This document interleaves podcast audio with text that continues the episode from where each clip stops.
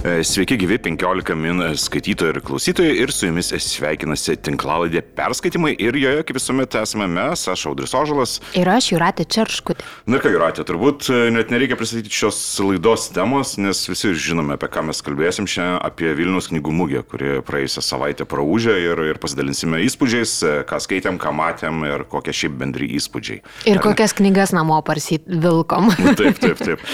tai, tai, tai Juratė, tai koks, koks, koks tau jausmas? Pasibaigus smūgiai?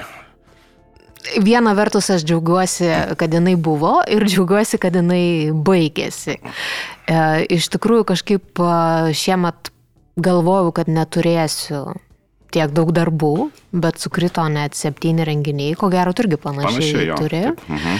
Tai ir ką ar ne, išvada galima būtų padaryti, manau, tu pritartum, kad keturi renginiai moderuoti per dieną yra maksimali riba, kurią gali pakelti moderatorius. Taip, taip, taip. Na ir šiaip Šiaip iš tikrųjų, man atrodo, kad ta mūgė daugeliu skaitytojų tai yra tikrai knygų džiaugsmas, bet na, tiems dirbantiems, aišku, irgi džiaugsmas yra, bet na, po tos mūgės dabar irgi prieš šią laidą apkalbėjome, kad na, pirmadienis jau buvo toksai Na, lovos režimas po tų keturių dienų. Na ir beje, aš kai vakar buvo Tito Albos pristatymo vakarėlis, nes jau galbūt ne, ne, ne visi žino, yra toks, tokia jau susiformavusi šiokia tokia tradicija, kad pasibaigia knygų mugė ir e, pirmadienį susirinka dar lydėjai, skaitytojai aptarti knygas, aptarti mugės. Na ir buvo iškelta mintis, kad galbūt mugė reikėtų pratesti dar vieną dieną ir, ir pradėti trečiadienį. Ir ką, ką manai apie tokią idėją?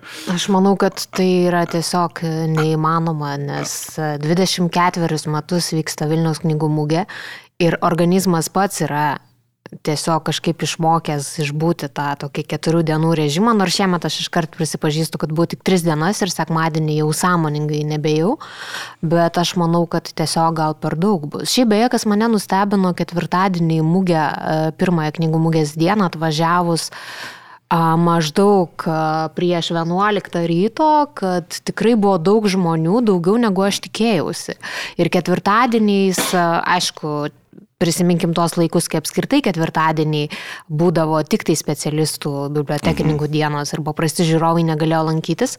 Tai dabar mane nustebino, kad labai daug buvo atvykusių, sakykime, delegacijų iš mokyklų, buvo daug vaikų, tokių grupių paauglių ir tikrai, nu, aš neprisimenu, kad ketvirtadieniais, čia mano toks įspūdis, kad ketvirtadieniais būtų tiek daug žmonių.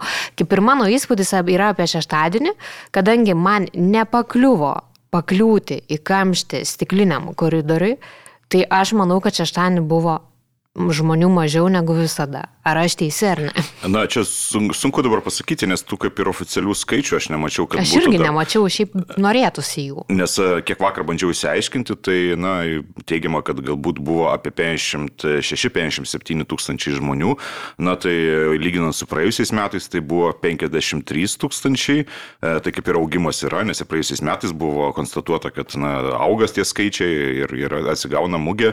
E, taigi šiais metais dar daugiau, tačiau prisiminkime, kad ir tais pačiais 20 20 metais buvo apie 73 tūkstančius e, skaitytojų, na tai toks jausmas, kad visgi dar yra mažiau negu tais piko laikotarpiais. E, tačiau, na, kaip tu ir minėjai, ketvirtadienis iš tikrųjų visiems buvo, na, toks nustebimas, nes iš tikrųjų tiek daug žmonių aš ketvirtadienį dar nepamenu.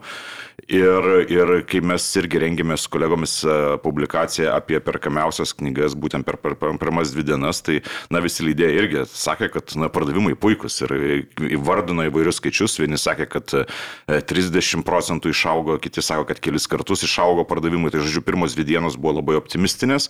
Na, apie tai, kaip pasibaigus smūgiai, irgi dabar jau matome kažkokius skaičius, bet kiek suprantu, irgi leidykloms tikrai metai šie Vilniaus knygų mūgė buvo puikiai.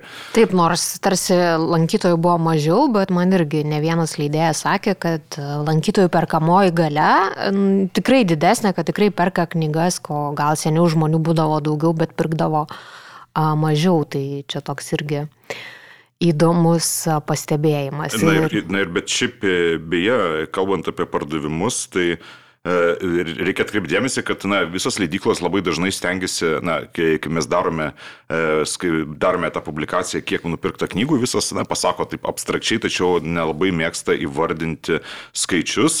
Tai šiemet jau tos tradicijos keičiasi, nes na, pirmasis, aišku, paskelbė tai Andrius Tapinas, nes, kaip žinome, Laisvės TV irgi dabar jau veikia kaip ir leidikla ir, mm. ir turi ambicijų, kaip supratau, nes praeitais metais viena knyga, šiemet dvi, kitais metais žada keturias.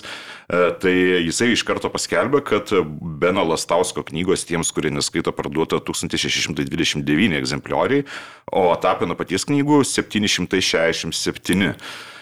Tai, tai jau, jau, yra skelbiami skaičiai, na ir nesilikdami nuo jų, atsiai ir Baltos lankos pirmadienį paskelbė, kad Manto Domėno knygos parduota 2000 egzempliorių. Tai, na, tai tokia kaip... Kas ir... yra beveik pusė tiražo. E, taip, tai, na, tokie, man atrodo, kaip ir pagrindiniai hitai yra šios, šios knygų mūgės, nors, na, ir kas laimėjo, tai čia sunku pasakyti, nes, na, domeno visgi dvi knygos yra, e, bet, e, na, ir aš, ir kai kurių kitų leidiklų irgi klausinėjau, kiek yra parduota egzempliorių, na, tai tarkime, Tapininės knyga parduota beveik 500 egzempliorių irgi per, per visą knygų mugę. Na, pavyzdžiui, Tito Albos hitas visgi buvo knyga Blogis yra laikinas, tai yra Lindo Donskio knyga, parduota virš 500 egzempliorių. Na, gamtos terapija parduota kiek virš 400 egzempliorių. Na, e, tai iš, iš tikrųjų, šiaip, na, bent jau mane kažkiek galbūt nustebino Leonido Donskio e, knygos toksai buvimas numeris vienas toj leidykloj, talboj, nes, na, vis tiek, na, tai Leonido Donskio knygos e, yra jau išleistos ir anksčiau ir, ir atrodytų, kad, kad yra leidžiama kitų naujienų, tačiau visgi tai man atrodo tik liudė, kad Leonido Donskio na, mintis, jos nesensta ir aktualios šiais laikais dar labiau negu kad buvo galbūt anksčiau. Taip ir liudija tą knygos pavadinimas ir kitas dalykas, vis tiek turbūt reiktų pripažinti, kad mirus Leonidui Donskiui e, neatsirado tokio lygio mąstytojų, kalbėtojų kaip amžinatelis Leonidas, tai žmonės nori grįžti prie jo tekstų, jo minčių ir, ir skaityti jas. Na, bet vis tiek turbūt, man atrodo, reikia konstatuoti, na, be abejo, mes suprantame, kad, kad, kad socialinių tinklų žvaigždės turi savo auditoriją ir galbūt jo knygas perka, kalbu be abejo apie Blastauską, netgi tie žmonės, kurie galbūt iš tikrųjų, kaip ir knygos pavadinimas, yra tie, kurie galbūt knygų ir ne visuomet skaito. Na, bet turbūt vienas iš didžiausių hitų, jeigu ne didžiausias visgi yra, turbūt galima būtų laikyti Manto domėnus. Knygos populiarumas fenomenalus svarbus, man atrodo, jo susidomėjimas, jo kūryba. Taip, dėl to, kad e, ir pati knyga, sakykime, fenomenali, nes iš tikrųjų tokio idėjų trilerio šio laikiniai nepriklausomai lietuvių literatūros prozai tikrai nebuvo. E, man tai Adomėna aš matyčiau, aišku, kartu su Bernardo Gailiaus agente ir neatsitiktinai jie vienas kitą ir kalbino šortuose šeštadienį ir e, iš tikrųjų man šiaip įdomu pasvarstyti, kodėl, tarkim, dabar šitas žanras ant bangos yra tas šnipų romanai ar ne, turbūt nebejotinai mus veikia geopolitinė situacija, karas Ukrainoje ir tas suvokimas apie žvalgybą, kontražvalgybą ir kaip kokiais tinklais priešai veikia. Tai taip, bet Adomjano sėkmė Šiaip beje įdomu, ar 2000 parduota tų knygų pirmo ir antro tomo, ar tik tai antro tomo, nes mm, antras tomas pasirodė visiškai dvi dienos prieš Vilniaus knygų mugę. Na ir beje, aš nežinau, ar tu jau perskaitė šitą antrą dalį. Taip. Nes aš ties, galiu prispažinti, kad laikausi dar ir po mugės pasilikau šitą skaitinį. Tai aš norėjau... tau kaip pavydžiu. o tai, tai kokie įspūdžiai? Um, Antroji daly yra uh, vienas skyrius, kuris yra kapitalus, kapitalus skyrius paaiškinantis Rusijos veikimo būdus pasaulyje. Tarkim, nežinau, tokios skyriaus, kuris ir apie architektūrą, ir apie maginę valstybės struktūrą, aš ko gero nesu skaičius. E, tame skyriuje nėra kažkokių man, tarkim, labai naujų ar nežinotų faktų, bet tai kaip šita informacija yra įkorporuojama į grožinės literatūros tekstą, ir kaip jos įtaigumas yra visai kitas, negu tu, nežinau, skaitytum Wikipedijos straipsnį, Tai a, viskas yra gerai, tikrai įdomu. Ir dar turbūt reikia pasakyti, kad man to Adomėno pirmoji dalis, mano manimu, baigėsi geriausiu kol kas lietuvių literatūroje cliffhangeriu, kur ar ne, perskait ir galvoju, kaip dabar toliau gyventi, kaip čia man dabar išbūti, nesužinojus, kas tam Nižnedvinskė nutiko ir kaip čia viskas toliau vystysis. Tai aš gal turiu priekaištų apskritai dėl visos istorijos pabaigos. Nes jinai man kažkaip pasirodė silpnoka palyginti su visa mase, visų tuo tokiu daugia, ša, daugia šaknių kelias sluoksnių kelia planių pasakojimu. Ir aišku, nežinau, man tai įspūdį darė geografijos platumas. Ir tarkim, jeigu pirmoji romano daly, ar ne, mes grėžiamės į sąjūdžio laikų Vilnių, Tai antroji daly, vat, būtent bandymas suvokti tą gilėją geopolitinę struktūrą, tai jau yra 15 amžius. Italija, e, Turkija, e, Austrija, žodžiu, labai e, praktiškai visas Europos žemėlapis, tai nu, tikrai labai visko daug apriepintis apriepiantis romanas. Tai... Na ir šiaip, man atrodo, kad kai išėjo pirma dalis ir tur tie žmonės, kurie perskaitė, dar nežinojo, kad išeis ta antroji dalis jau, jau yra parašyta ir kad išeis už kelių mėnesių. E, tai, na, tie žmonės iš tikrųjų, kaip ir tu turbūt, e, kaip ir sakėjai, turbūt taip ir galvoja, na, kaip dabar reikės gyventi, jeigu iš dabar autorius rašys dar keletą metų tą antrąją dalį ir kaip čia reikės ištverti, tačiau laimė ta antra dalis iškart pasirodė Vilnius knygų mūgiai, tačiau po viso šito dabar, na, atsiminkim, kad man tas Adomėnas sakė, kad dešimt metų rašė šitą kūrinį, tai štai kada jo pasirodys naujas kūrinys, jeigu pasirodys, na, tai turbūt e, jau čia jau tikrai reikės palaukti ne vienerius ir ne dviejus metus. Na, nu, bet žinai, jeigu gausim, sakykime, to tokio, tokios intelektinės įkrovos, e, tiek intertekstų prikištą e, romaną, tai galima palaukti. Prikištas čia niekaip nesakau neigiamą prasme, iš vis pagalvojau, kad surankiojus kiekvieno skirelio epigrafus, Ar ne, nes kiekvienas romano skirelis, skyrius tiksliau, nes skirelis turi uh, po keletą tų epigrafų, tai galima susidaryti labai tokį neblogą uh, skaitimo sąrašą, ką skaityti, nes yra cituojamas ir Chestertonas, ir Lekarė, aš jau nekalbu apie viduramžių uh, filosofus, apie antikinę filosofiją, Borgesas. taip, Borges, nu ką, tarkim, antika, man tas Adomėnas puikiai išmano, tai jeigu kas nors pritrūkstų skaitinių, tai gali ir išnašose pasižiūrėti ir romano pabaigoje, kur yra paaiškinimai, irgi yra begalė nuorodų į labai įdomias knygas ir, ir studijas. Na ir e, tu minėjai, kad e, Bernardo Gailiaus knyga labai susisieja be abejo šitos abi knygos, e, tačiau aš sakyčiau, kad ir Norberto Černiausko knyga irgi šitą visą kažkaip įsipaišo, nes na, jisai šitoje savo naujausioje knygoje bando tyrinėti alternatyvius Lietuvos istorijos scenarius apie tai, kas būtų, jeigu Lietuva nebūtų buvusi okupuota. Ir knyga irgi buvo, man atrodo, bent jau auksų žuvise tikrai buvo bestselleris mm. šis kūrinys. Na ir man atrodo, kad ją irgi galima dėti šalia šitų, nes irgi galime svarstyti apie mūsų istoriją, kaip, kaip, kaip kas, kas būtų istorinė, kokie istorijos vingiai galėjo nutikti Lietuvą.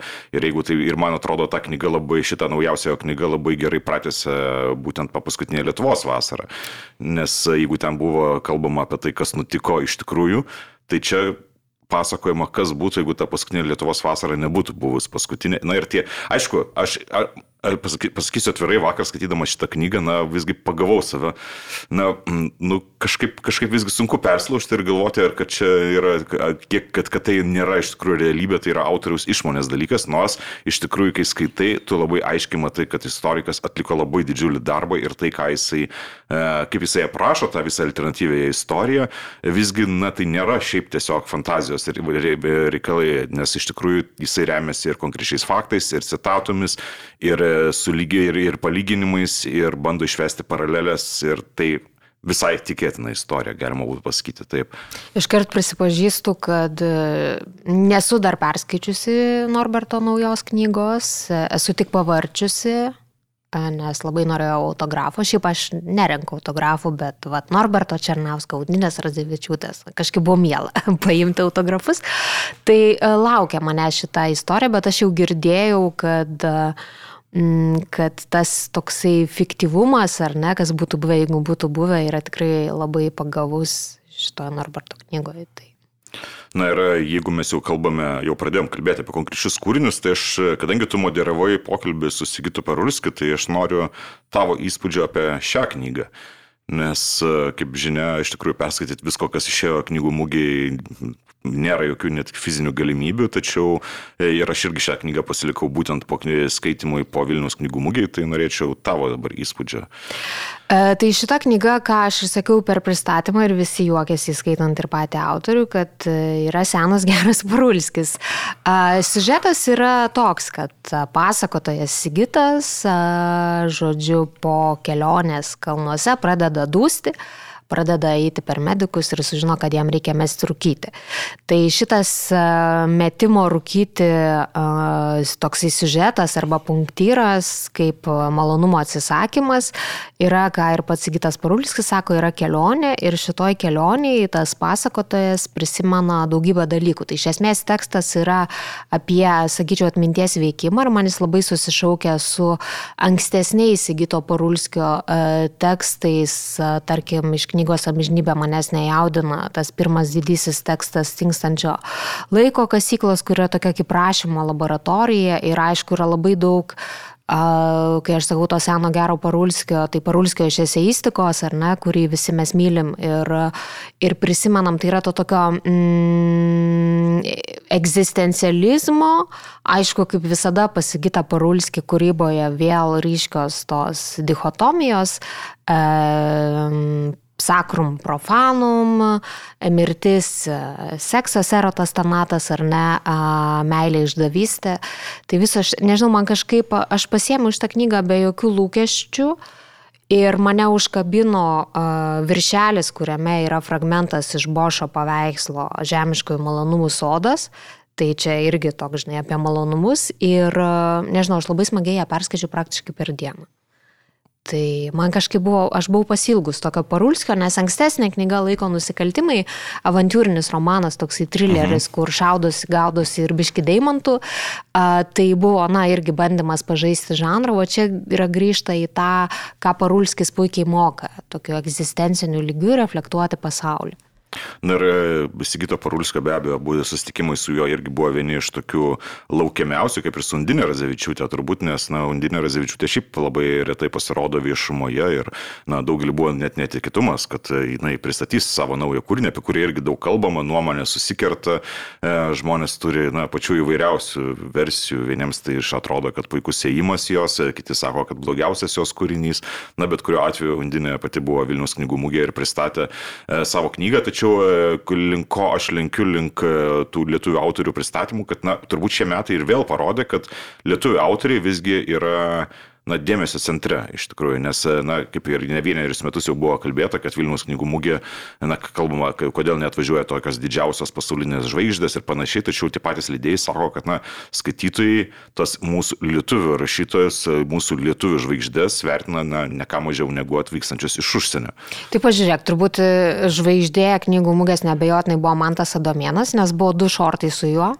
Buvo knygos pristatymas, tada nepamirškim naujų Rolando Rastausko, Dalios Tapankutė, Tomo Venslovos knygų pristatymų. Tai iš tikrųjų ir kita vertus, aš žinai, pagalvojau, ar tikrai reikia, dabar tik nuskambės, ar tikrai reikia to, tų užsienio autorių? Na, man atrodo, reikia, nes mes kalbam visgi apie tarptautinę knygų mūgį. Bet šiemet, pažiūrėk, buvo kaip niekad daug, net dvi rašytojos iš Latvijos, nes kaip tik baiginėjus, ar ne, 23-ieji buvo Latvijų literatūros metai, tai buvo atvažiavus Inga Abelė, Laura Vinogradova, ar aš čia turbūt blogai sukirčiau pavardę, jos romaną Upė išleido leidikla Odilė, tai Nežinau, aišku, visi tikėjosi Rachel Kask, nors aš kažkaip niekaip nesitikėjau, kad jinai atvažiuos, bet ne, ką aš noriu pasakyti, e, tarkim, mane labai veikia minios. Ir aš įėjau į Undinės Radzevičiūtės pristatymą 10 minučių, kur 5-2, tai turbūt šiemet yra baisiausia salė, aš neįėjau šitoj salėje nei į Marijos Dremaitės pokalbį su Ryčiu Zemkausku, nes buvo tiesiog neįmanoma ir nėra tenais oro ir tu suvoki, kad tau zvimbia galva ir tu pasirenki, arba tu nugriūni, arba išeini. Tai e, turiu minti, kad jeigu atvažiuoja tikrai mega žvaigždės, tai nu, ten pakliūt praktiškai nežinau. Na, tas pas buvo su tapinėm, nes irgi buvo minė. Bet, bet iš tikrųjų tai buvo tas momentas, na, šiaip e, kartais man netgi yra keista, kaip visi leidėjai, aš suprantu, kad jau yra noras, yra prestižinis laikas, yra šeštadienio pietus ir visi nori būtent tas laikotarp laikas nuo 12 iki kokios 16 mm. valandos sukrišti, bet na tada gaunasi tokia situacija, kad, na, iš tikrųjų, aš vienu metu tiesiog stovėjau ant laiptų ir eilė nejudėjo nei į vieną pusę nes tuo metu buvo tie populiariausi visi pristatymai, kurie yra, vyksta vienu metu. Tai, na, čia irgi vėlgi klausimas yra, na, įvairūs sprendimo būdai, galbūt galėtų prasidėti, na, tarkim, ne vienu metu tie renginiai, net, tarkime, vienas prasideda 12, kitas prasideda 12.30, kad tie srautai, na, kažkaip pasiskirstytų, nes, na, aš irgi, pavyzdžiui, pas Norbertą Černiauską, bet kadangi aš pats turėjau rašyti straipsnį iš, tos, iš to susitikimo, irgi bandžiau ateiti 15 minučių prieš renginį, žinodamas, kas gali būti, na, ir per atsitiktinumą gavau laisvą kėdę, nes viskas buvo nusėstos ir grindis ir, ir taip toliau. Tai, na, tai iš tikrųjų liūdė, kiek, kiek yra žmonių. Ir beje, e, kalbant apie tas pačias užsienio žvaigždės, e, kadangi aš irgi moderavau ten kelis renginius su užsienio e, autoriais, tai Barnet, autorius iš Škotijos, kuris yra tikrai labai populiarus visam pasaulyje, bestsellerių autorius ir panašiai, kai paklausiau, kaip jisai, na, kaip mes kalbėjom būtent apie taksistus, kaip taksistai atsisako važiuoti Vilnius knygų mūgį, nes sako, nu, aš įkliūsiu pusvalandžiui, tai jisai irgi sakė, kad tą patį, nors jie nesupranta lietuviškai, bet iš to, ką kalbėjo taksistas, suprato, kad jisai pasakė, jau tikrai nevažiuosi Vilnius knygų mugė. Bet ką jisai pasakė, sakė, kai aš važiavau, kai mes atvažiavom ir pamatėme visas šitas minės žmonių, tai sako, atrodo, Škotijoje tiek žmonių renkasi į futbolo rungtynės. Sako, nu, tiek, tai, tai taip viskas atrodo, kad čia kažkas vyksta, kažkas mega tokio reiškinys ir kai jis pamatė irgi, kaip kiek yra žmonių susirinkę, sakė, neįtikėtina. Na, aišku, aš jam pasakiau, kad nu, ne visus knygų renginius susirenka tiek ir baigsis Vilniaus knygų mūgė ir kiti renginiai nesutrauks tų dešimčių tūkstančių. Na, bet iš tikrųjų atvažiavusiems svečiams iš užsienio visą laiką tai yra įspūdingai pamatyti visą tai. Bet matai, knygų mūgė nebūtų knygų mūgė, bet tų kamščių ant laiptų į 5-1, 5-2, 5-3 sales, be to uh, privažiavimo, neprivažiavimo ir šiemet aš irgi gal pusę laiko apie, atėmė tiesiog logistiką, pabandyti išsidėlioti, kaip uh, važiuoti ir su taksistais. Aš tokio, sakykime, saliginai geroje vietoje gyvenu, kur aš galiu atvažiuoti iš kitos pusės.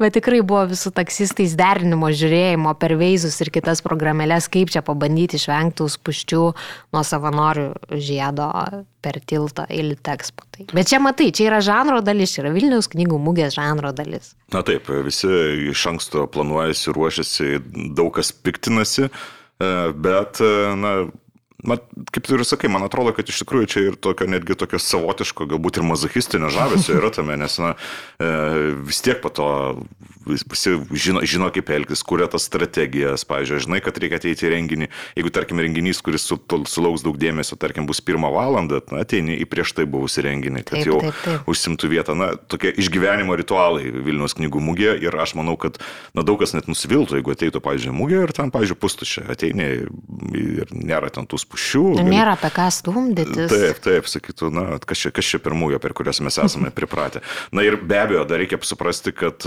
muzikos salė irgi duoda savo, nes yra dalis žmonių, kurie na, tiesiog net neina į knygų salę, ateina ir, ir žingsniuoja tiesiai į muzikos salę. Ir yra dalis žmonių kaip aš, kuri eilinį kartą taip ir nesugebėjo nueiti iki muzikos salės per šitas dienas buvimo Litexpo. Na, žinai, aš to galiu pasakyti irgi tokią paslapti, kad e, jeigu, pavyzdžiui, nori pavalgyti, beje, apie šitą dar galbūt irgi galėsim pakalbėti, tai knygų salėje, kai atini ir pamatai tas milžiniškas eilės ir nueini į muzikos salę ir ten yra valgykla, kurioje eilių beveik niekada nebūna. Ne visi žino apie tą valgyklą ir tai yra vėlgi viena iš tų išgyvenimo strategijos dalių. Dabar išdavėm paslaptį. Taip, bet, bet šiaip iš tikrųjų, va, dar kas galima pastebėti, kiekvienais metais vis plečiasi tas vagonėlių laukia, toksai, toks kiemas, kurių atsimenu vienais metais buvo tik tai vienas e, vagonėlis, po to kitais metais antras atsirado, trečias, dabar jau kaip ir visas toks miestelis. Ir aš galvoju, na, kai kas jau juokauja, kad čia tampa tokia, na, kaip ir kaziuko mugė, nes, na, kai pamačiau, kad pardavinėja, pavyzdžiui, prieskonius iš Sakartvelo ir žmonės ten, wow. ir žmonės ten tiesiog perkasi, atėjo nusipirkti knygų, grįžta su prieskoniu krepšeliu ir, na, ką gali žinoti, gal kitais metais bus, tarkime, tapkės. Na, su... Nu, aš laukčiau medinių šaukštų. Taip, taip, taip. Bet, bet iš tikrųjų, matant, kaip tim perka ir, ir kai ten, pažiūrėjau, noriu užsakyti jau ketvirtadienį tose keskeliuose ir kokios ten buvo apimtis ir kai pavargusios pardavėjas jau ketvirtadienį sakydavo, kad maisto reikia laukti pusvalandį, nes tiek yra užsakymų, tai puikus verslo planas. Vilnius knygų mugė džiaugiasi visi, man atrodo. Jo, bet tik tai vienas dalykas, ko aš kiekvienais metais pasigendu, arba tiksliau norėčiau, kad daugiau būtų, tai patogiai atsisėsti su kava. Nes tarkim, kofeinas viršui buvo visada pastovi apgultis ten. Tu greit susimokė, po to ilgiausiai lauki tų kavų, nors ten tikrai buvo žiauriai daug, gal keturi kavos aparatai ir merginos tikrai greitai sukosi, bet, žodžiu, tas, žinai, gaudimas stalo, kur tu nori tiesiog ateiti pailsėti, išgerti kavos, pavartyti įsigytas knygas, tai tas kažkaip buvo, nežinau, nepatogu ir po to aš iš vis tiesiog ateidavau į Vero kafe, kuri buvo prie vaikų salės, ten aplinkui nebuvo jokių staliukų, tiesiog išsinešimui pasiemi ir eini kažkur, bet, bet va, nu, man kažkaip visada man su kava per knygų mūgę kažkaip Visada jos per mažai tų vietų, kur būtų. Aš labai beje pasilgstu to laiko, kai vaikų saliai buvo tie reikia pykla ir kažkaip ten buvo galima kišus visokius valgyti ir tada dar pirmais metais, atsimenu, daug kas ir net nebuvo atradę, tai ten būdavo galima nueiti, tarsi nueiti tyliai, pasėdėti, palsėti tarp vaikų šurmulį nuo penktos salės didžiojo šurmulio, tai čia žodžiu tokie, žinai, pasiskundimai apie, apie maistą. jo, bet, bet čia beje, vaikų salė irgi, kiek teko užsukti, tai buvo labai jau šiais metais bent jau man pasirodė, aišku, negaliu taip jau objektyviai palyginti, kaip būdavo anksčiau, nes netiek ir daug laiko ten praleisdavau, tačiau šiemet pasirodė, kad buvo labai daug įvairiausių ir pramogų, ir, ir, ir pristatymų, ir žaidimų, ir, ir viso ko labai daug. Tai, na ir sekmadienis vaikų diena, kaip žinia, mūgė irgi yra tradiciškai, tai irgi buvo vaikų tikrai šurmulys buvo didžiulis. Na tai iš, iš, iš, iš esmės labai smagu matyti tą augančią jaunųjų skaitytojų kartą, kurie irgi, nes, nes yra labai nemažai mūgių pasaulyje, kurios na, orientuotos yra tik tai į suaugusių literatūrą ir, ir, ir vaikų literatūrą, aišku, skiriami skiri renginiai, tai šitą Vilnius knygų mūgė na, visą tai apjungia ir man atrodo tai irgi ir yra, yra puikus dalykas. E, tai dar ką noriu, kad užsiminėjai apie vaikų salę, aš aišku negaliu pakomentuoti, ar ten buvo geriau šiemet ar, ar, ar blogiau, nes aš visiškai tik prabėgom prabėgau, bet e, iš karto priminėjai tai, kad šiemet, e, kaip ir kiekvienais metais, knygų mūgiai buvo paskelbta daug įvairiausių rinkimų knygų laureatų ir sąrašų.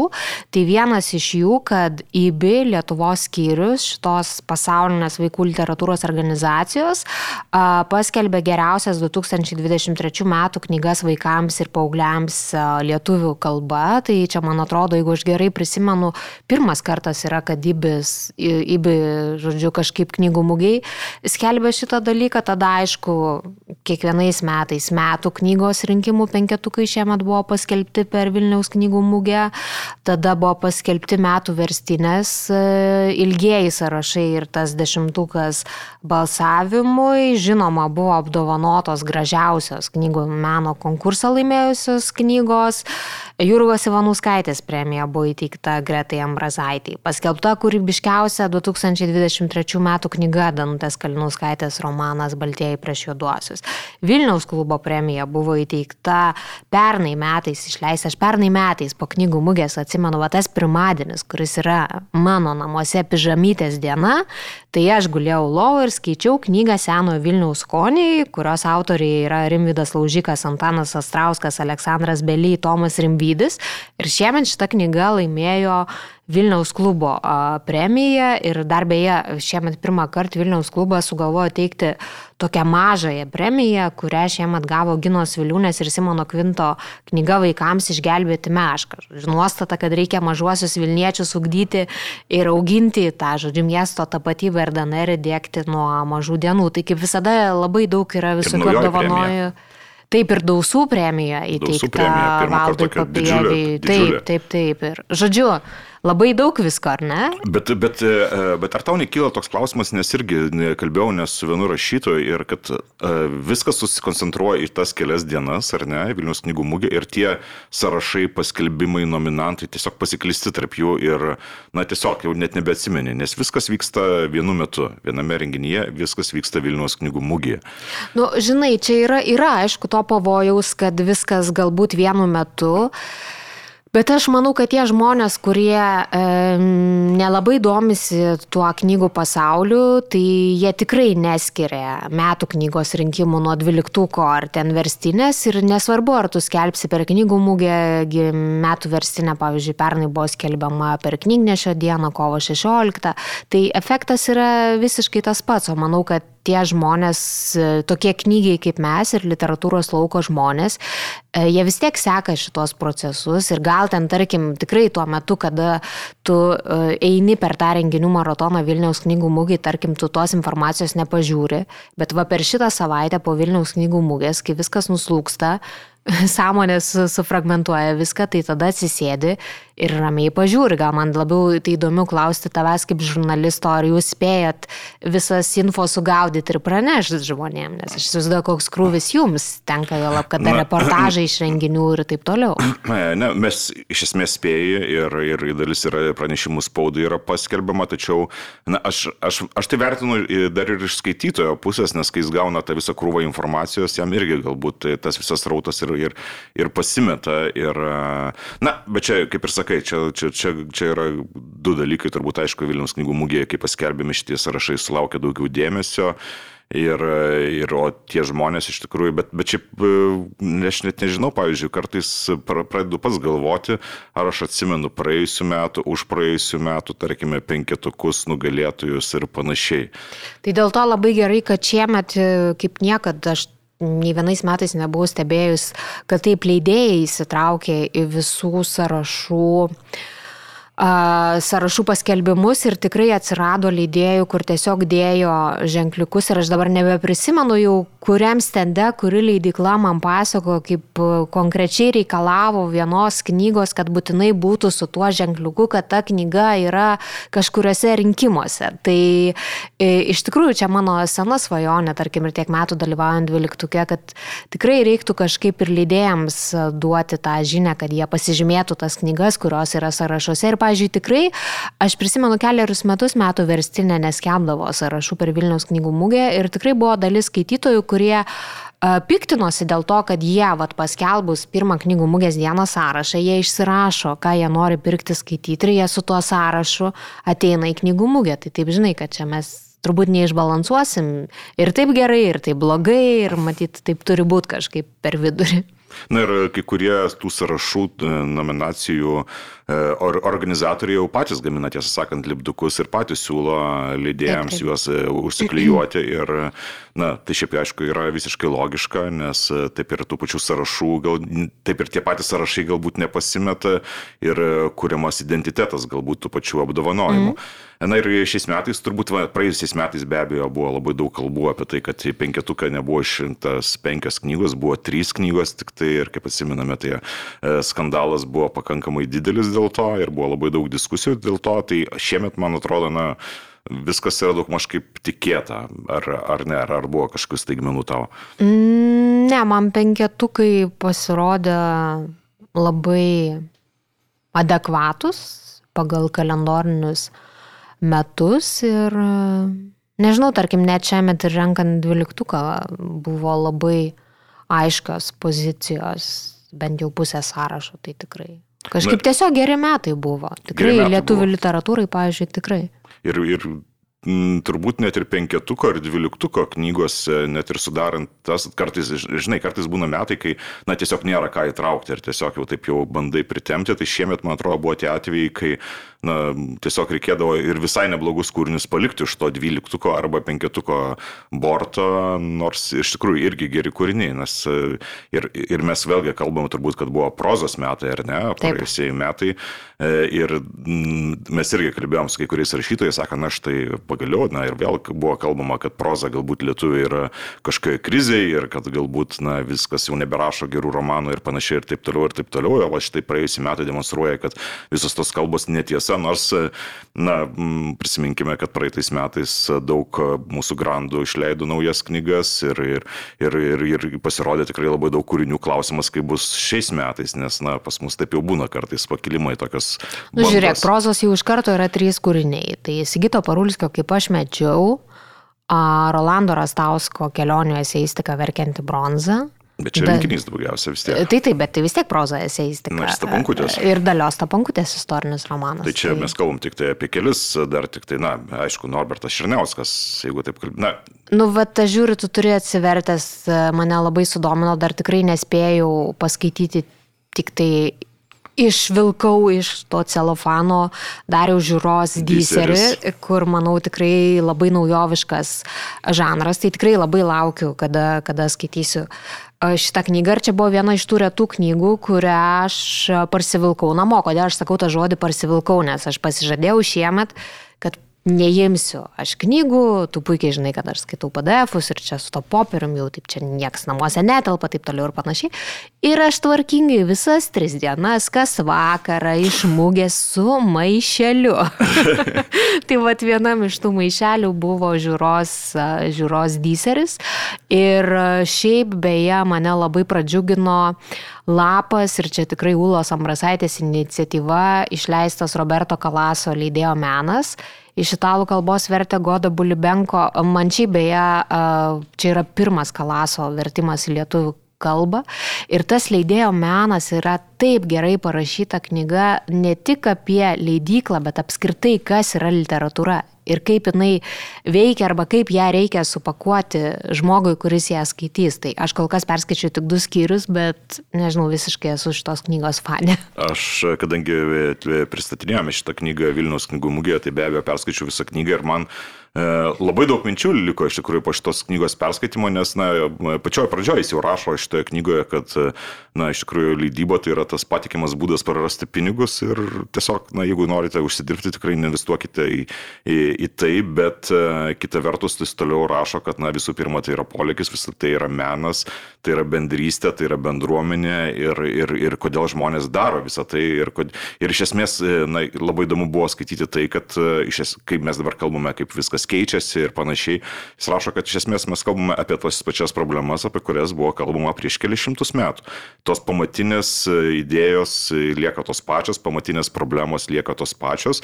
Na ir paskui pabaigoje konstatuoja, na kodėl visgi, e, kodėl visgi leidžiame knygas, kodėl visgi žmonės visgi metasi į šį tokį rizikingą, nepelningą verslą, dėl to, kad tai yra smagu leisti knygas yra smagu. Tai man atrodo, tokia viena iš pagrindinių, man atrodo, minčių šios. Taip, knygos. ir aš beje labai norėčiau, aš labai laukiau kažkaip ir anglų kalba, nes buvo labai a, trumpa ištrauka prieš keliarius metus Tomas Gudelytės išversta ir publikuota literatūroje ir mene, nes Kalaso yra išleidęs irgi nedidelę knygelę kaip susidėlioti asmeninę biblioteką.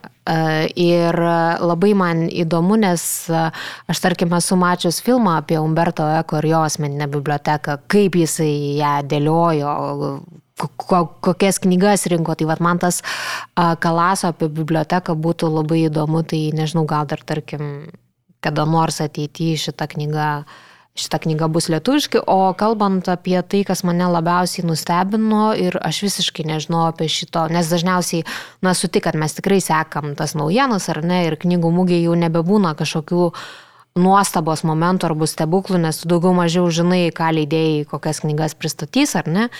Bet mane labai nustebino, kad margi raštai išleido Britų konservatyvizmo filosofo Rodžerio Skrutono knygą Modernioji kultūra. Tai irgi yra pirmas Skrutono vertimas į lietuvių kalbą. Ir iš anglų kalbos vertė Augminas Petronis, kurio beje debutinė knyga nedetektyvai pakliuvo į dvyliktuką. Tai a, tikrai pradėjau šiek tiek skaitinėti, vartinėti, labai džiugiuosi, kad šita knyga yra lietuviška ir kad, nežinau, gal irgi bus daugiau skruto nuo vertimų, nes nu, jis tikrai to vertas. Ir man atrodo, šita knyga išleista netgi be rėmimo, kiek aš žiūrėjau, tas yra ir geretas atvejis, nes, na, visgi na, pakankamai siaura auditorija skirta.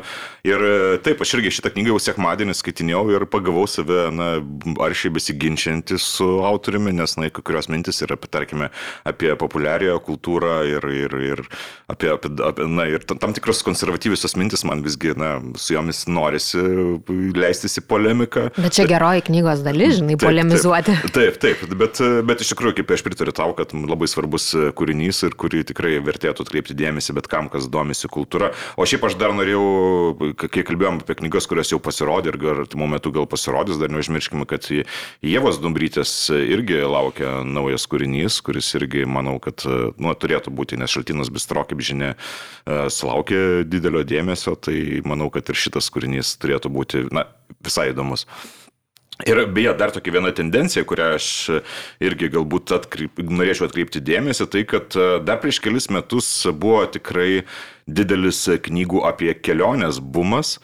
Mhm. O štai dabar šiemet e, aš žiūrėjau, kad, na, iš esmės, e, Kandrato pažink Paryžių vos ne vienas toks naujas visiškai kūrinys skirtas lietuvių autorių parašytas būtent kelionėms. Uh, O šiaip yra toks stygius tų knygų ir, aišku, galima gal aiškinti keliais, keliais dalykais, nes turbūt yra pandemija, buvo po pandemijos, na, galbūt žmonės dar tie patys autoriai, kurie anksčiau daug keliaudavo, galbūt ne, neturėjo tiek daug kelionių ir e, galbūt nespėjo dar tų knygų parašyti. Kita vertus, na, mes visi žinome ir pasaulinę tų kelionių knygų krizę, dėl to, kad, na, daug kas, kas domisi kelionėmis, seka tai Instagramuose ir seka Facebook'e, šiaip skaito visokiausias tinklaraščius ir jiems tos informacijos galbūt apie keliones e, nėra tiek labai jau reikia ir jo labiau, kad na, keičiasi tą informaciją labai sparčiai šitame globaliame pasaulyje, tai galbūt tos knygos irgi praranda tam tikrą auditoriją. Čia nieko negaliu pakomentuoti, nes turbūt gyvenime nesu skaičius kelionių knygos. Bet, e, žiūrėk, mes pamažu jau perėjome ir prie vers verstinių knygų, beje, aš dabar kaip tik nu, noriu čia dar pareklamuoti, aišku, ir pasidžiaugti tuo, kad e, išėjo 15 e, min žurnalas 15 šitai knygų mūgiai ir tie, kurie e, na, dar neturi jo kažkokiais būdais, siūlyčiau tikrai jį kažkaip pasičiupti, nes bent jau mano nuomonė tikrai labai geras leidinys. Ir čia yra sudėta ir 60 knygų, kurias verta atkreipdėmėsi Vilniaus knygų mūgėje, tai čia dabar ar viena akim ir žvilgčiau į tą sąrašą, tai aš norėčiau dar atkreipti dėmesį į tokius du kūrinius. Tai yra E, verstinės knygos, kurių pasirodo nauji vertimai arba pataisyti vertimai, nes e, Lietuvoje, kaip žinia, na, tai, tai, tai yra pakankamai didelė problema, kad jeigu yra pasirodo kažkoks, kad ir prastesnis vertimas, na, leidikla dažniausiai E, nenori to e, daryti naujo leidimo arba pataisyti, nes na, tai, tai kainuoja ir be to nėra garantuoti, kad tikrai bus parduotas naujas tiražas su tuo nauju vertimu. E, tai, pavyzdžiui, lygiai taip, tai tas pats, man atrodo, nutiko su Lampedusa Leopardu buvęs leidimas, kuris, na, daug kas sako, kad tikrai buvo prastas, prastas vertimas ir kad daug kas, kas norėjo skaityti, vis tiek siūlė skaityti, na, bent jau, jeigu nesupranta itališkai, tai angliškai, tai štai dabar e, pasirodė naujas Linos Gaučytės vertimas, pavadinimas yra Gatopardas, jau mačiau ir daug diskusijų kilo. Daug diskusijų ir beje, aš iškart turiu pasakyti, kad pačioj pradžioj įvadė, įžangoj yra iškart paaiškinama, kodėl pasirenkamas Taip. būtent šitas, o ne leopardas. Tai e, visi, kurie diskutuojat Facebook'e ir piktinatės, tai atsiverskit Taip, knygą. Pirmiausia, atsiverskit knygą ir galit pažiūrėti be, be to ir, ir, ir kokie, kaip vadinasi, ir kai kurie kito vertimai kitas kitas kalbas, tai čia neturėtų kelti didelės nuostabos. Tai e, šita knyga yra tikrai klasika, kuria, na, vienas iš tų labai rekomenduojamų kūrinių. Na, o kitas e, kūrinys be abejo yra Pedras Paramas, e, irgi Rulfo leidinys, kuris knyga, kurią, nu, įkvėpia visą magišką realizmą ir, ir iš esmės irgi be jo, be Rulfo, tik turbūt nebūtų to magiško realizmo, kokį mes suprantame dabar. Ir Jurga Katkovinė irgi smarkiai pakeitė savo buvusį vertimą ir kitos knygos išleido šitą naują vertimą ir irgi siūlau visiems atkreipti dėmesį, kas dar netkreipė, nes e, bent jau man tai yra viena iš tų tokių, sakyčiau, tarp top 10, top 15 visų laikų kūrinių pasitenkančių. Man čia beje labai įdomu, tu klausai leidyklų, tai gal galėsi atsakyti mano klausimą, ar ilgai laukti Nobelio premijos laureatės Ani Arno metai buvo tarp vienų perkamiausių, ar ne? Taip, taip, tai ačiū Dievui. Patvirtino, taip, taip. kad visgi perka ir yra žmonių, kurie ateina ir perka ir metus, kurie dabar pasirodė, mm. ir, ir, ir Įvykį. Taip, abi šitos kūrinius perka ir, ir panašu, kad jis savo auditoriją visgi surado, kas yra labai smagu. Ir beje, reikia pasakyti, kad šitam antrame žurnale 15 yra puikus interviu su pačia Ani Erno. Iš jos namų prie Paryžiaus. Taip, ir padarytas Valdo Puteikio, ne tai, kad ten paimtas iš kažkokio užsieninio šaltinio Taip. ir išverstas. Ir beje, metai, tai tu galbūt esi gal labiau panirus į jos kūrybą ir, ir geriau žinai, bet kiek bent jau aš esu susipažinęs, kad laikomas šis kūrinys visgi jos tokiu kaip ir ne tai, kad geriausiu, bet, na, labiausiai e, apriepiančių visą jos kūrybą ir kurie, tarkim, jeigu kažkas nori pradėti susipažinti su Annie Arno kūryba, dažniausiai jiems ir sakoma, kad pirmiausia reikėtų perskaityti metai. Nu, šiaip jis yra kitoks romanas iš visų jos romanų, ką man teko skaityti, dėl to, kad čia ji uh, sumažinusi tą savo aš. Ir jinai iš esmės ka- kalba apie kartą, savo kartą, pokario kartą. Ir pasakodama apie savo kartą, jinai pasakoja ir aišku savo asmeninio gyvenimo liniją.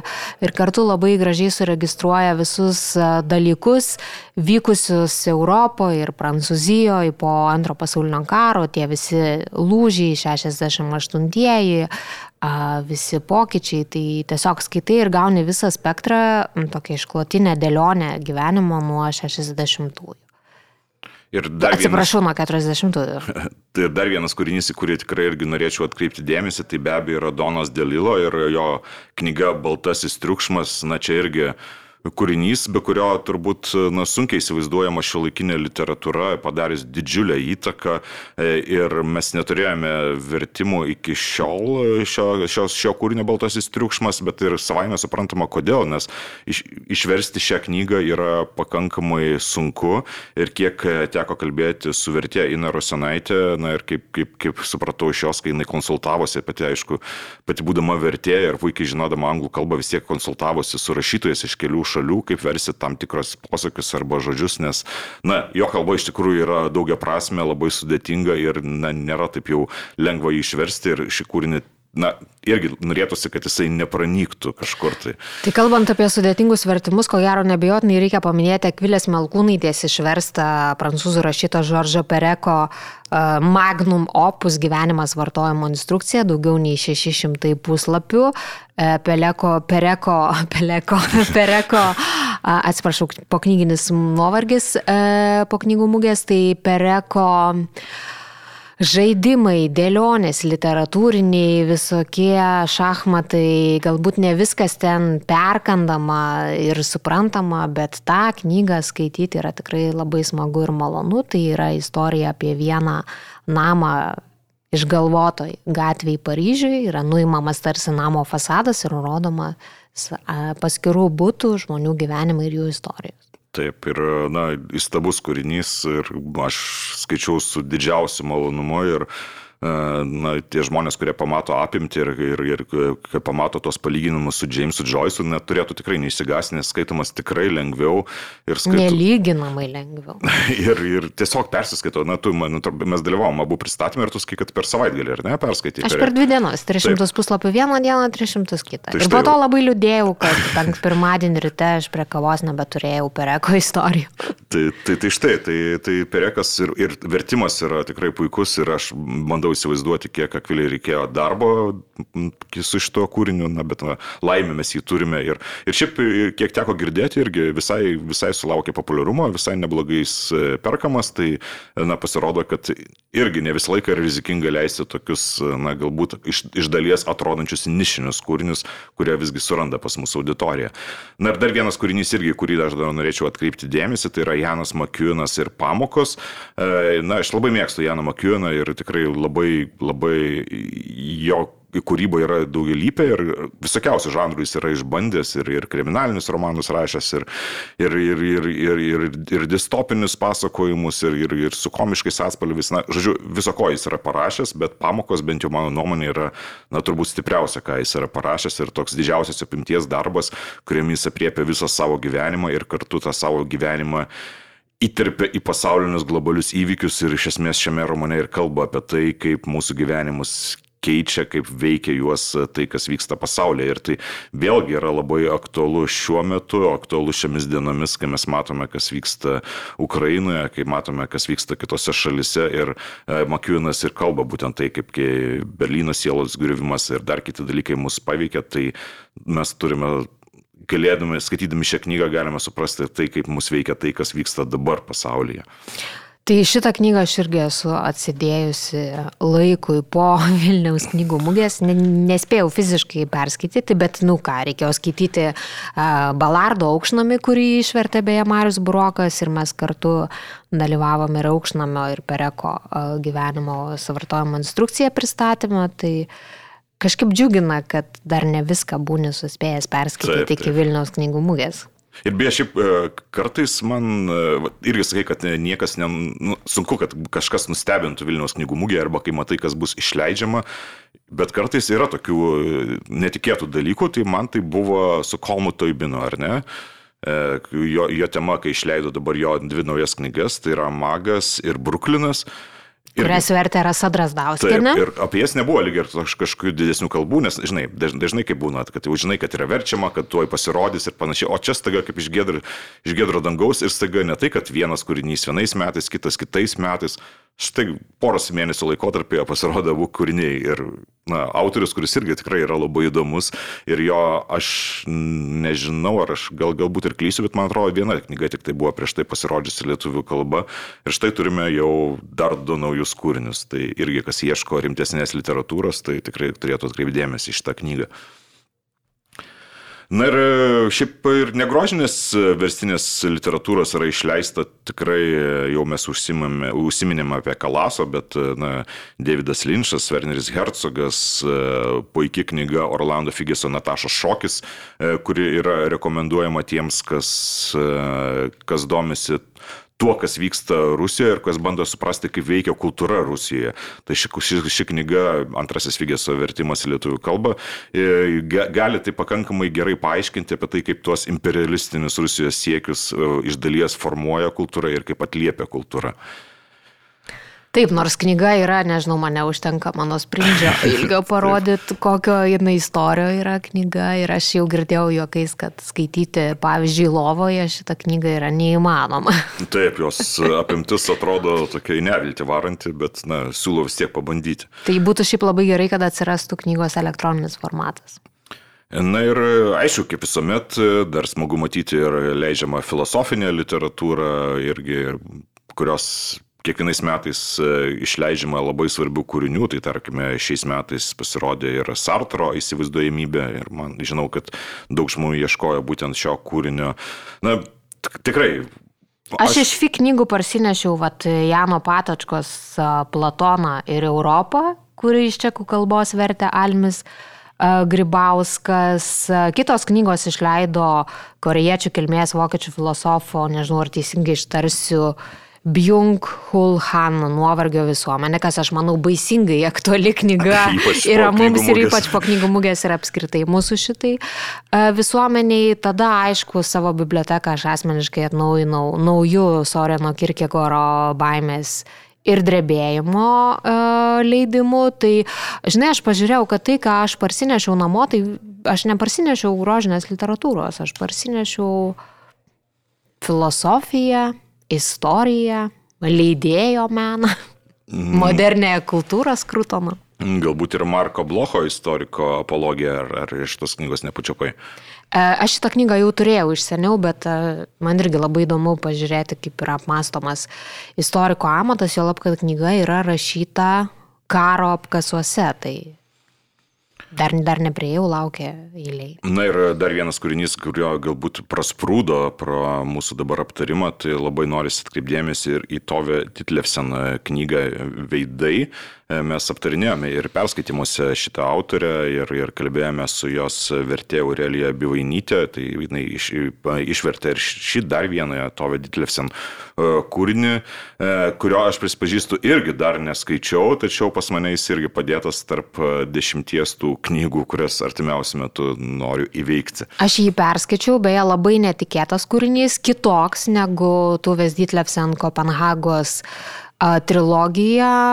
Būtų įdomu išgirsti, kaip, tarkim, psichiatrai vertina tokį įtaigų psichozės epizodų aprašymą literatūroje. Tai, na, tikrai, ne, kūrinys yra labai nedidelis, vos virš šimto puslapių, bet jį skaityti reikia tų tokių vidinių jėgų, nes iš tikrųjų rašoma apie tą tokį vidinį psichinį žmogaus pasaulį ir kas nutinka, kai jis įlūšta. Tai toks tikrai paveikus tekstas. Ne, nelengviausias, bet vis tiek tų Veditlevsam demonstruoja savo rašymo jėgą ir tikrai rekomenduoju. Na ir šiaip jau prieš mugę, kai aš sudarinėjau šitą sąrašą knygų, kurias verta atkreipti dėmesį, na man pasirodė, nežinau, koks tau įspūdis, man pasirodė, kad, na, senokai nebuvo tokios mugės, kada tiek, tiek daug gerų knygų išleidžiama. Aišku, kiekvienais metais mes turbūt taip sakom, bet šiemet, na, man pasirodė, kad iš tikrųjų, na, neįtikėtina, kad faktiškai net jeigu nieko nebebūtų išleista šiais metais, e, sakyčiau, kad, na, puikus leidybiniai metai. Aš tokiu kampu buvau nepagalvojus, bet gal. Šiaip nes, tikrai, tikrai, tikrai daug gerų knygų. Nes ir lietuvių autorių, matai, kiek knygų mes aptarėme, kiek yra gerų ir kiek verstinių knygų. Ir, e, na ir aš, aš tikiu, kad iš tikrųjų žmonėms kartais net ir apima žmonės atėjusius į knygų mūgį apima panika ne tik dėl tų eilių, bet ir dėl to, kad kaip čia, kaip, kaip čia viską išsirinkti, nes, na, iš tikrųjų visko, visko yra labai daug. Dėl to uh, daugybę metų ir Lolita Varanavičia ne visiems sako prieš knygų mūgę, kad atlikite namų darbus ir nagrinėkite knygų programą, kur iš tikrųjų pristatymai liudija, kokios knygos bus ar ne, uh, galima jas įsigyti, pavartyti. Ir kitas dalykas, tikrai šiemet labai nemažai žmonių mačiau, kažkaip seniau nebuvo atkreipus dėmesio, kur tiesiog vaikštinėjo su sąrašėliais, išsirašę, ateina į stendą leidyklos ir konkrečiai sako, man reikia to tokios, tokios knygos. Na šiaip, e, man atrodo, kad vis tiek Vilnius knygų mugės e, paskirtis galbūt vis tiek kažkiek keičiasi, nes jeigu prisimintume prieš kokius dešimt metų, ar ne, tai daugelis žmonių iš tikrųjų ateidavo Vilnius knygų mugę, nes jie norėdavo nusipirkti pigiau. Bet būdavo ir tikrai būdavo ženkliai pigiau. Bet dabar, pigiau. dabar ir tie patys leidėjai, na, atvirai sako, kad, na, iš tikrųjų niekas čia nepigiau, iš tikrųjų dabar jau galima tų pačių leidyklų knyginėliuose dažnai įsigyti už tą pačią kainą. Tik aišku, čia galbūt patogiau, kad visos leidyklos yra vienoje vietoje ir nereikia ten važinėti, tarkime, o jeigu atvažiavus iš kito miesto dar to labiau, bet, na, tarkime, internetu pirkti dažnai irgi būna pigiau ir jau nekalbant apie priekybos centrus, kas aišku leidėjams dažnai yra košmaras, nes, na, nukainavimai tokie, kad, na, sunku net pakonkuruoti patiems. Bet žinai, leidėjams. bet čia yra vis tiek dalykas, dabar vad pagalvokim. Ar kas yra smagiau, ar visą dieną prabuvus šurmuly grįžti namo su maišais ir iš nuovargio atsisėdus ant sofos, traukti tuos maišus, vartyti knygą, ar parsinešti iš paštomato dėžę su knygom ir ją atlūpti. Nu, man asmeniškai paštomato perspektyva nėra tokia smagi ir viliojanti, kaip, nes tu grįžti su emocija, aš tarkim prisimenu, kai dar nedirbau knygų mūgiai ir buvau pirmosiose kursuose, tai dabar gali išgirsti mano B dėstytoją, aš tikrai bėgdavau iš paskaitų, neįdavau į bendrasias, tarkim, paskaitas ir važiuodavom mes iš filologijos fakulteto, iš centro į Litexpo su ten trim persėdimais, su troleibusu, mes važiuodavom į knygų mūgę, eidavom į renginius, pirkdavom ir va tas uh, nuovargis, kur tu visą dieną su tais maišais, iškišęs ležuvį tenais, vos pavilgdama, grįžti namo, atsisėdi, užsipili arbatos, ar galiausiai ten įsipili vyno, ar su draugė pradėti dalintis įspūdžiais, vartytis, parodi, ką tu nusipirkai, ką, o ar man šitą paskolins. Ar... Nu, čia yra tiesiog tas žaidimas, tas žanras, kur, nežinau, aš suprantu, kad elektroniniuose ten šitą interneto knygynuose yra pigiau, bet čia, nu, ne tas, supranti, knygų mūgė turi šnau. Taip, ir be abejo pasikalbė ir su leidyklų atstovais e, apie šitą knygą, pasikalbė su autorium. E, galų gale, beje, šito vietoje norėjau atkreipdėmėsi Kleiva, kuris parašęs dvi knygas apie Japoniją ir aš kiekvienais metais stebiuosi jo ištvermę, nes jis ištikimai E, stovi prie stendo, bendrauja. Stovi Tito už... Albo stendo tame kampelyje. Jau kaip, kaip jo tokia darbo vieta. Ir tiesiog jis e, pasirašinėja, dėlioja štampukus ir taip toliau, ir taip toliau. Ir tiesiog e, bendrauji su žmonėmis ir aš įsivaizduoju, kad tai irgi duoda na, žmonėms tą tokį džiugesį, nes tu atini, nusipirki knygą, autorius, dar pašneki su juo, pasakai, pasidalini įspūdžiais. Tai, tai be abejo yra svarbu, bet aš norėjau pasakyti, kad na, daug, dabar irgi pastebima ir tai, kad daug žmonių ateina, jeigu anksčiau ateidavo dažniausiai, visgi tokia pagrindinė priežastis įvardindavo, kad na, aš tai noriu e, nusipirkti galbūt pigiau knygų ir, ir važiuoju paskui namo, tai dabar pastebima, kad žmonės ateina su sąrašais lygiai taip, taip pat renginių, kurias jie nori pamatyti, autorių, kurios, su kurios nori susitikti ir tai tampa irgi, na, ne ką mažiau, ne, ne mažiau svarbia dalimi šitos Vilnius knygų mūgės, kas džiugina iš tikrųjų, nes, na, tai irgi yra, kaip ir sakykime, kad viena iš pagrindinių priežasčių, kodėl yra rengiama šita Vilnius knygų mūgė. Taip ir ko gero, gal mes kitais metais jau turėtume į šitą mūsų aptarimą dar pakviesti žmogų, kuris prabuvo visas dienas muzikos salėje, kad pakomentuotų, nes aš kaip jau prisipažinau, kad niekada nenuinu iki ten. Bet kitas dar įdomus labai dalykas, trečioji salėje visada būna nacionalinis operos ir baleto teatras, nežinau ar šiemet buvo, bet kažkuriais metais buvo nacionalinė filharmonija ir tikrai žmonės. Buvo, ir, šiemet. ir šiemet buvo, ne, ir buvo netgi nacionalinis Kauno dramos teatras. Pasirodo, labai daug žmonių ateina, būdami mūgiai, nusiperka abonementus į šituos teatrus, kurie yra, aš kaip suprantu, gerokai pigiau negu perkant, nežinau, į teatro internetinėje erdvėje ar kasose. Tai irgi toks, va, ar ne, priedas, tarsi dar viena meno šaka šalia literatūros ir visų kitų dalykų atsiranda tokia įdomi tendencija. Na ir be abejo, ir kino pavasaris prisistato. A, teisingai, ir, šiemet buvo kino pavasaris. Taip. Tai toks jausmas, kad iš, iš tikrųjų ta Vilnius knygų mūgė toks yra fenomenas, kurio tie, tie, kas ten galbūt neina kiekvienais metais, kuriems net, net, net sunku turbūt ir paaiškinti jiems, na, kodėl. Nes, na, kaip, kaip, ir, kaip ir nelabai aišku, nes tu, tarkim, susitikimų su rašytojais ir tų pačių festivalių yra visgi daug, nu, ne tiek ir daug, bet, na, vis tiek jie vyksta. E, ir knygas gali nusipirkti ir kitur, tas pats kino pavasaris gali nueiti kitur, bet vis tiek tai yra ta vieta, kur susirinka visi. Tai būtent ir, pažiūrėjau, knygų mūgė visada man asmeniškai yra, aš aišku žinau, kad tai yra darbymetis ir taip toliau ir panašiai, ir, bet tikrai knygų mūgė yra ta vieta, kur tu su visais pabendrauji ir tikrai būna žmonių, kurių tu nepamatai iki kitų metų knygų mūgės. Tai čia toks atsikalbi, per 3-4 dienas metams į priekį. Ir šį beje labai įdomu, nes kitais metais bus 25-oji jubiliejinė Vilniaus knygų mugė, kuri šiaip turėjo būti šiemet, bet kadangi, kaip žinia, dėl pandemijos vieni metai iškrito, tai įdomu, ar ne, kas bus? Taip, taip, įdomu. Ir aišku, įdomu, kas E, nors, Kas atvažiuos iš užsienio? Taip, nes nors iš tikrųjų sakėme, kad galbūt ir netiek jau reikia, bet vis tiek, na, kiekvienais metais, na, įdomu visgi, kas atvažiuos iš užsienio, nes e, vis tiek yra turbūt ir nostalgija ir su tais pačiais leidėjais pakalbame, kad e, nostalgija tiems laikams, kai Vilnius visiems buvo labai įdomus, nes egzotiška vieta atrodė ir kad važiuodavo autoriai iš užsienio, nes jiems būdavo įdomu pamatyti, kasgi čia ta Lietuva yra, tai kuo toliau, tuo sunkiau juos prisikviesti autorius į Lietuvą ir jo labiau, kad, na, kai kas yra, kurie baiminasi, nes ne va, tai čia karas šalia vyksta ir jiems atrodo Lietuva tokia pavojinga vieta, tai dar vienas dalykas ne į naudą mūsų, mūsų šaliai, jeigu kalbant apie rašytojų iš užsienio. Bet kad baiminasi, tai gal nėra blogai. Na taip. Bet, e, bet šiaip e, dar tokia viena mintis, tik tai yra po Vilnius knygų mūgės kiekvieną kartą toks apmastant, e, viskas yra labai puiku, labai smagu matyti tos skaitančius žmonės ir labai smagu matyti tos žmonės su maišais knygų, bet, na, bet labai norėtųsi, kad tai nebūtų viena diena arba kelios dienos metuose, kai žmonės iš tikrųjų eina į tuos renginius ir perka knygas, nes na, patys lydėjai irgi pripažįsta, kad yra tas pakilimas prieš knygų mugę, e, žmonės labai daug perka tų knygų ir paskui staiga tokia būna dobė, kai, kai viskas, ta leidybos kažkiek sustoja ir, ir pirkimai sustoja, tai norėtųsi, nes na, leidyklos metus leidžia ištisus metus. E, tų pačių renginių e, Kauno literatūros savaitė, Open Books, paviljonas irgi vyksta, kur irgi tikrai žmonės gali rasti tikrai įdomių susitikimų su rašytojais ir gali irgi lygiai tas pats būti bendruomenės susitikimo vieta. Tai norėtųsi, kad aktyviai, lygiai taip pat aktyviai dalyvautų ir kitur. Bet matai, ko gero Vilnius knygų mūgė yra tas vienintelis renginys, kur važiuoja visa Lietuva. Nes į paviljono knygų savaitgalį tai tikrai nevažiuoja mokiniai autobusais, kaip ir nevažiuoja uh, į poezijos pavasarį ar kitus renginius. Tai beje, dabar visiškai dar grįžtų prie knygų mugės būties.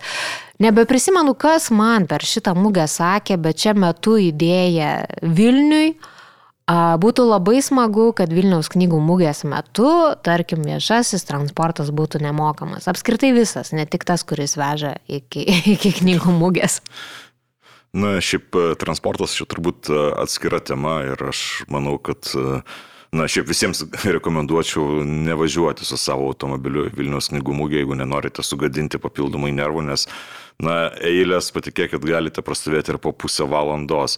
Na, bet tai nemokamas transportas, taip be abejo, man atrodo, būtų visai gal ir tokia gera mintis, ar ne? Tai, tai, tai nežinau, šiaip pakalbėjom apie tą Vilniaus knygų mūgę ir ar turi dar kažkokių idėjų, ką reikėtų šį aptarti, kalbant apie ją ir, ir kokių idėjų galbūt kitiems metams?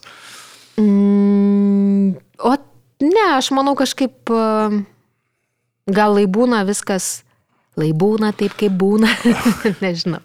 Na, turbūt, turbūt čia yra tas vienas iš tų renginių, su kuriuo, aš nežinau, turbūt neskaičiavai turbūt kilintą tavo mugę, bet... Aš... Oi, tikrai kelio, kelioliktai šiaip aš galbūt man netgi lengviau būtų galbūt pradėti skaičiuoti, kurioje mūgėje aš nebuvau, bet, na, bet iš tikrųjų tai, tai yra tiesiog, na, metų dalis, kaip yra tiesiog, kaip yra Kalėdos, taip, taip, taip, taip. Kaip, Velykos, taip yra knygų mūgė, kur tiesiog jau pažymėta kalendoriuje iš anksto metus į priekį ir tu žinai, kad jinai bus ir tiesiog, e, na, kai Ir tu žinai, kur bus ir ką veiksi paskutinio vasario savaitgalį. Taip, tu visada tiesiog, žinai. Tai tiesiog kai yra metai iš metų tos tradicijos nesikeičia ir tiesiog e, tais, kai buvo pandemija ir kai buvo tas e, sutrikdytas tas toks ritmas, atrodo, kad na, labai keista, kas, kas čia vyksta iš tikrųjų. Na ir kągi, tai turbūt e, tiek šį kartą aptariant Vilnius knygų mūgę ir kaip jau ir minėjom, kad yra išleista daug labai gerų kūrinių, kuriuos mes skaitysime, kuriuos mes aptarinėsime toliau laidose. Ir Ir aš labai tikrai noriu palinkėti, kad ir jums, kurie prasinešite tas knygas iš Vilniaus knygų mugės, na ir skaitykite jas, nepadėkite į kampą, kaip kai kas būna, kad e, aš ir skaičiuoju atsiliepimus Facebook'e. Ai, nu šiais metais Vilniaus knygų mugė, nes pažiūrėjau, kad dar praeitų metų knygų neperskaičiau. Tai...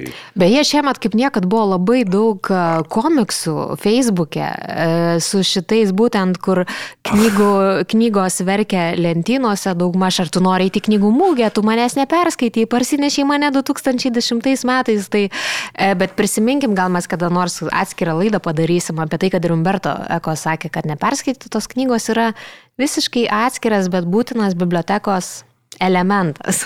Na taip. Na, čia, čia, būtų... čia kaip su mediniai šaukštai, žinai, tu juos turi. Bet čia būtų net nejauku, jeigu tu grįžti namus ir ar ne, ir viskas žiūri, čia ir viskas skaityta, šita skaityta, na ką čia dabar skaityti, nu nėra nieko ką skaityti, na čia būtų neįtikėtina, ar ne? Čia, ne, aš nežinau kaip tau, bet kaip man lygiai tas pats yra, kai aš, pavyzdžiui, einu kažkur į miestą, kur kažkur važiuoju ir visuomenių transporto man visą laiką turi būti po ranka knyga, nes be jos jautiesi kažkaip, na, net nejaukiai, kažko trūksta, nes o jeigu bus laisvas koks pusvalandis, ką tai veiksi? ką veikti. Tai, tai čia lygiai taip pat tos neperskaitytos knygos namuose. Tai turbūt tiek ir e, dėkui visiems, e, kas klausėsi mūsų įspūdžių iš Vilnius knygų mugės ir e, vis, kaip visuomet aptarėme knygas, aptarėme literatūrą mes dviese, aš Audris. Ir aš Juratė ir tikiuosi, kad bent jau klausydami mūsų šito pokalbio apie knygų mugę irgi užsirašėt dar kelis knygų pavadinimus, nes čia tikrai šiandien labai daug knygų apkalbėjom. Taip, iki. Gerų skaitinių.